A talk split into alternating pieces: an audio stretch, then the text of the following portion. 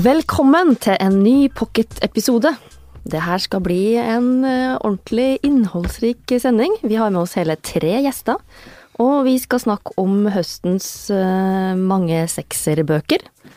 I hvert fall tre seksere. Og den store bokhøsten som eh, bokhøsten 2015 eh, er. Velkommen til VGs bokanmeldere Guri Hjeltnes og Sindre Hovdenak. Dere har jo begge trilla noen seksere, som vi skal snakke om i dag. Og velkommen til eh, Knut Gørvel. Ja, takk. Du er altså utviklingssjef for skjønnlitteratur i Cappelen Dam. Ja. Og tidligere sjef for bokklubben Nye bøker.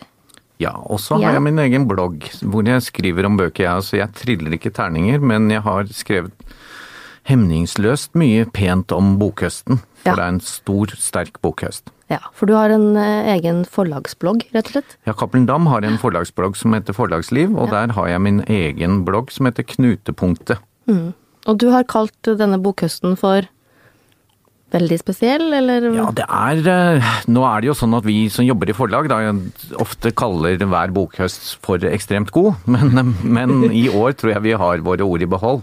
For det er en utrolig sterk høst med Altså det er veldig mange av de store norske kjente forfatterne som har kommet med ambisiøse og flotte romaner, og så er de svært vellykkede også. Og da er det gøy.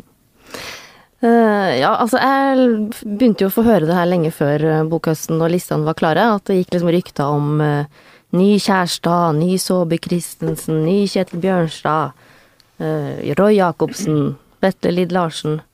Og nå er vi jo midt oppi det. Hver uke så har det kommet romaner fra de gode gamle gutta. Uh, og på bordet oss, så har, eller bordet foran oss, så har vi flere av de. Guri, du har to bøker her. Det er altså De som ligger her, er Lars Saabye Christensen, 'Magnet', og det er en tjukk bok, og så er det en liten bok, tynn bok sammenlignet med den, Roy Jacobsen, 'Hvitt hav'. Begge de to har jeg trillet seks på. Men jeg har også ly- lyst til å nevne at det startet den andre rekkefølgen, for aller først i høst så eh, så anmeldte jeg en annen tykk bok, nemlig Kjetil Bjørnstads mm. første bok i det store 60-tallet. Ja, som er del av Som er første Verden bok i en som var min, eh, stor serie serie som skal være 70-tallet. Og jeg visste egentlig ikke da at han la opp til dette. Så det interessante er, som anmelder, du får jo bok én om gangen, og jeg visste jo ikke at du skulle få de andre. Nei. Jeg ga fem til Bjørnstad, for jeg syntes den var for ordrik og for 200 sider for lang. Det skrev jeg vel. Um, eh, men disse to sekserne, da, de har eh, Man skal ikke sammenligne bøker, for de er så ulike. Ikke sant. Men eh, jeg har jo vokst opp med Lars Saabye Christensen. Mm, Jeg har til og med vært på fest hjemme hos han, jeg. Du er nesten inhabil? Ja, nei, og traff han på interrail, og da leste han Markens Grøda Hamsun nede i Sør-Frankrike, så jeg har liksom fulgt denne Mm. spennende liksom, forfatteren in spe. Så jeg har fulgt hele hans forfatterskap som veldig mange i min generasjon. Jeg syns det kom et kom, dette verket syns jeg er flott. Altså, det er også litt speisa, fordi at det er noe sånn helt sprøtt ved det. Han, det er dikt og, og litt sånn surrealistisk og litt sånn crazy. Hva er dikt, og hva er, er, er, um, er um, virkelighet i, for hovedpersonen Jokum? og som sammen med Synne legger ut på en stor livsreise. Men jeg syns det, eh, det er et kaliber over, over Lars Saabye Christensen som jeg, som jeg valgte å gi terningkast seks, og den står jeg på, øh, fordi det er språklig og konseptuelt såpass øh, gjennomarbeidet. Er, dette er ikke liksom skrevet bortover, sånn, unnskyld at jeg sier det, sånn pianotaster opp og ned lett. Dette er hardt arbeid som ligger bak. Ja. Eh, Du kalte jo den eh, for eh, like bra, eller om enn ikke bedre, enn Beatles. Ja, jeg, jeg, sa, jeg stilte et spørsmål med det. Det er øynene som ser. Altså, Jeg vet ikke om jeg tør å lese Beatles om igjen, for å være helt ærlig. nei, nei. Så det, det, det skal man jo aldri gjøre. Hvis du har lest The Catcher in the Rye om igjen, så blir du fryktelig skuffet, som har betydde Mm. mye for meg i sin tid.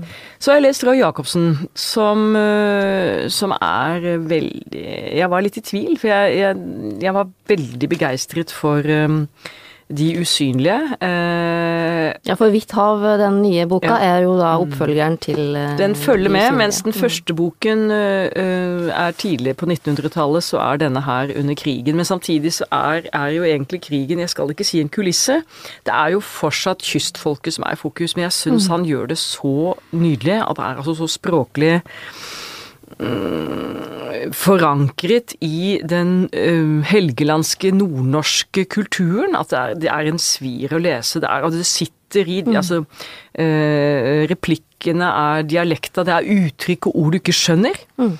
Du må arbeide, du må tenke litt. Er, og hans beskrivelse av Fiske, fiskeliv, fiskevær, arbeidsoppgaver. Dette er jo et sånt varemerke på Jacobsen. Jeg syns det er så flott gjort.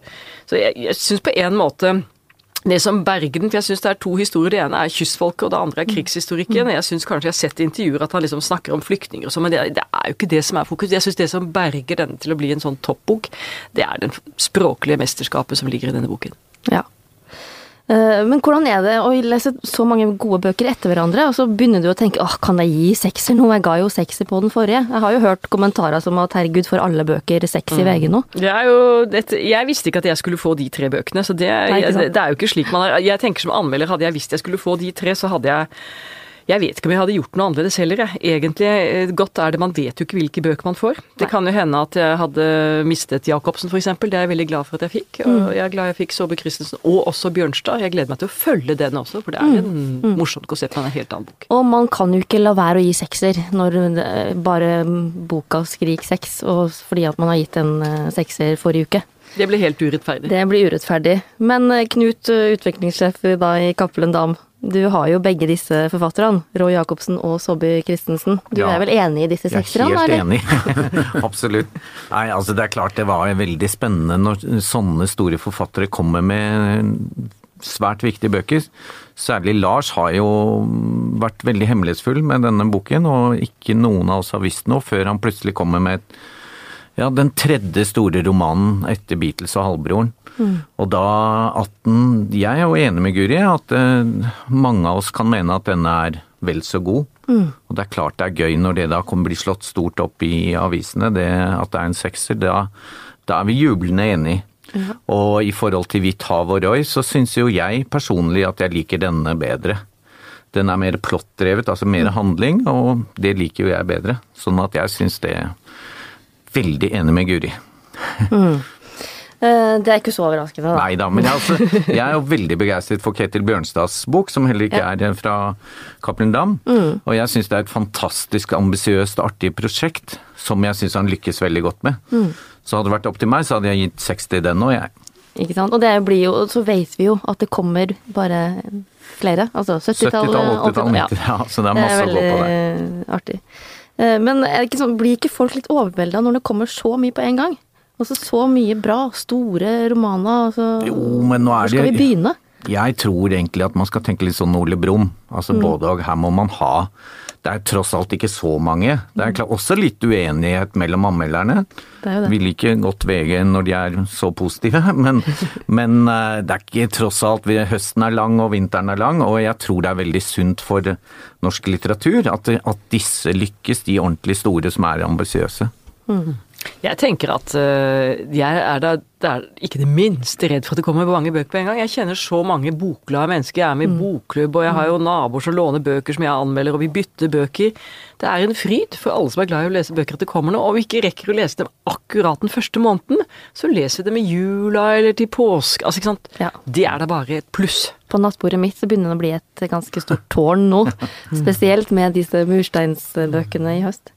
Eh, Sindre, midt oppi da disse sekserne fra Guri, så leste du Vetle Lille Larsen. Eh, 'Hvordan elske en far og overleve'. Ja, det var en eh, det var en veldig fin opplevelse å lese den boken. Mm. Den overrasket meg på flere måter. Og han har klart et ganske sånn vanskelig prosjekt, som er å skrive om en, person som står ham svært nær, nemlig faren. Lars Andreas Larsen, som mm. fikk Alzheimer mot slutten av livet.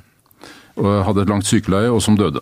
Så det er da sånn sett ikke noe spesielt muntert utgangspunkt eh, eller anslag i denne boken. Men eh, overraskende nok, og veldig gledelig, syns jeg som leser, så har Vetle Lid Larsen skrevet en utrolig morsom, underholdende og sprudlende bok. Full av eh, anekdoter, av personkarakteristikker, av miljøskildringer og tidsskildringer fra 70-, 80- og 90-tallet. Fra teaterlivet, fra pressen og fra hans eget eh, liv. Så jeg virk, syns virkelig dette er en bok som bærer preg av veldig mye overskudd. Og så er det altså denne alvorlige undertonen i det, da, som handler om et ikke helt uproblematisk forhold mellom eh, far og sønn.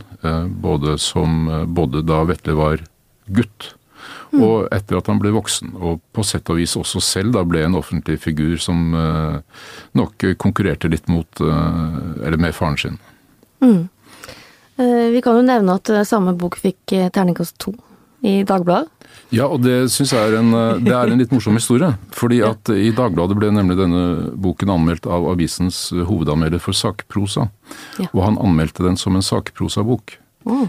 Og det er også helt naturlig å tenke Trodde at dette, han, eller dette er jo en biografisk ja. Mm. skildring av uh, virkelige mennesker. Men det står faktisk at det er en roman i boken. Og da Det tematiserte jo du også i din anmeldelse. og da må man ta høyde for det når man skriver anmeldelsen. Så kan man spørre seg hvorfor i all verden kaller man dette en roman? For alle ville jo lese dette som en biografisk skildring av eh, virkelige mennesker og virkelige miljøer, og det er jo også det der. Jeg kjenner opp til flere av eh, de som er nevnt her. Det er i høyeste grad virkelige mennesker.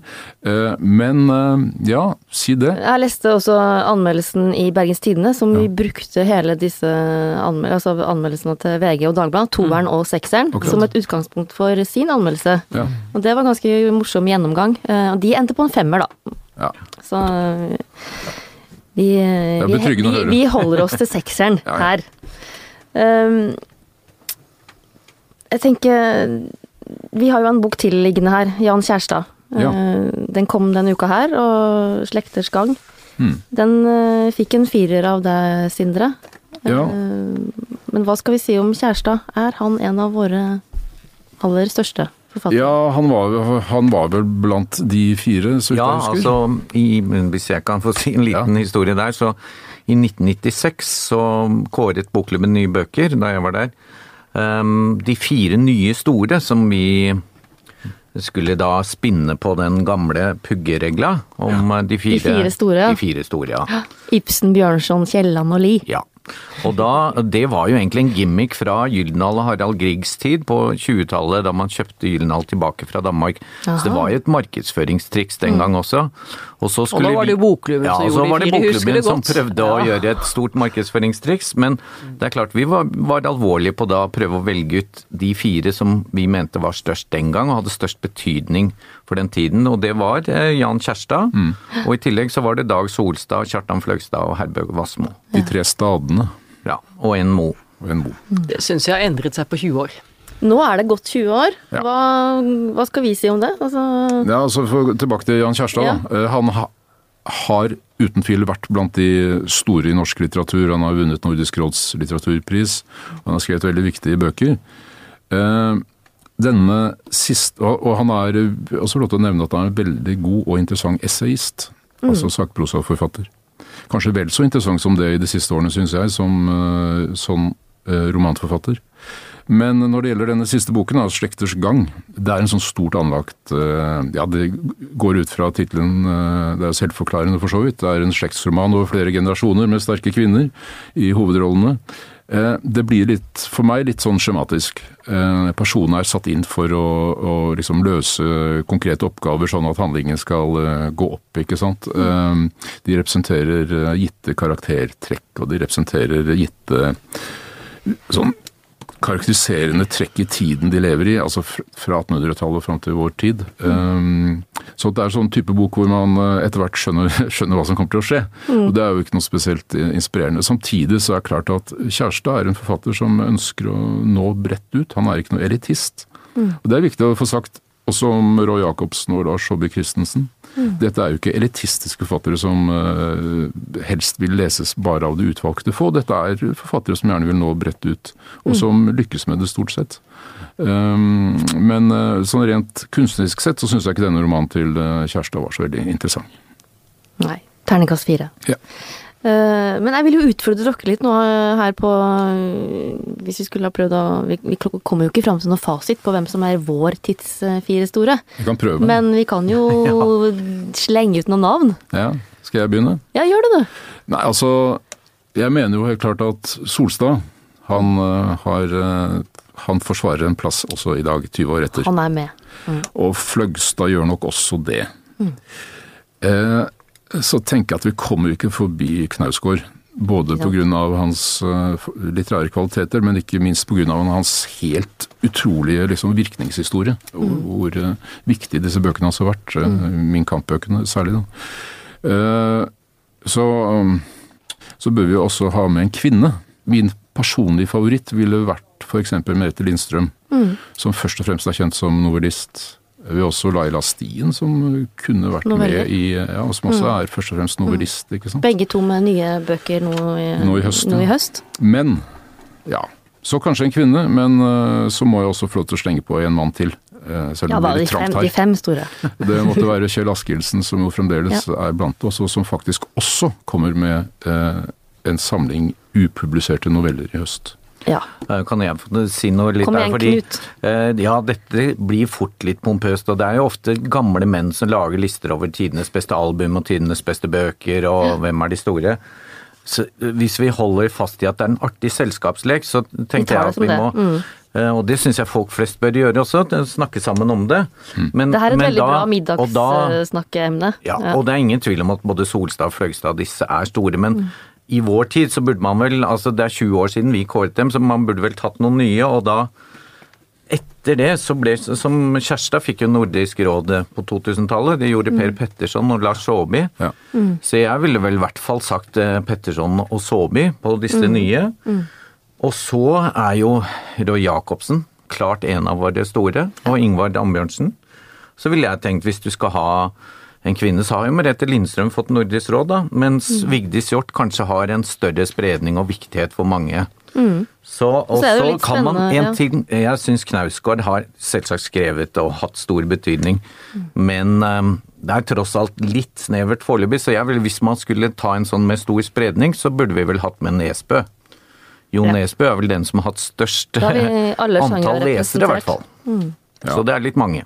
Men å kalle Knausgård snever, det skjønner jeg ikke helt. Han Nei når jo bredt ut og skriver dessuten veldig brede Ja, da, nå tenkte jeg mer på at han antall bøker, men eh, det var et stort verk det han hadde. Ja. Mm, og nå kommer jo den eh, Ja, første boka i den nye serien. Og han er også en veldig dyktig essayist, eh, apropos. Men uh, Guri, har du noen Altså, tør, tør du å hive deg utpå her? Altså, jeg syns jo dette er eh, håpløst, fordi det er eh, så mange generasjoner og gode forfattere nå. Jeg, jeg synes liksom Vi må nesten holde krim utenom. Så for, for meg vil det være helt meningsløst å ta med Nesbø. Eh, Jeg tror ja, you never know. Men altså, ja, jeg satte opp um, eh, Petterson Uh, fordi jeg syns han representerer noe unikt. Jeg har skrevet Solstad, men jeg lurer på om jeg skal legge han på sånn senior, fordi at han har dette lange Seniorhylla? Ja, jeg tror det. Altså for at han, men altså, han er også så viktig, for jeg har også fulgt fra da jeg studerte nordisk.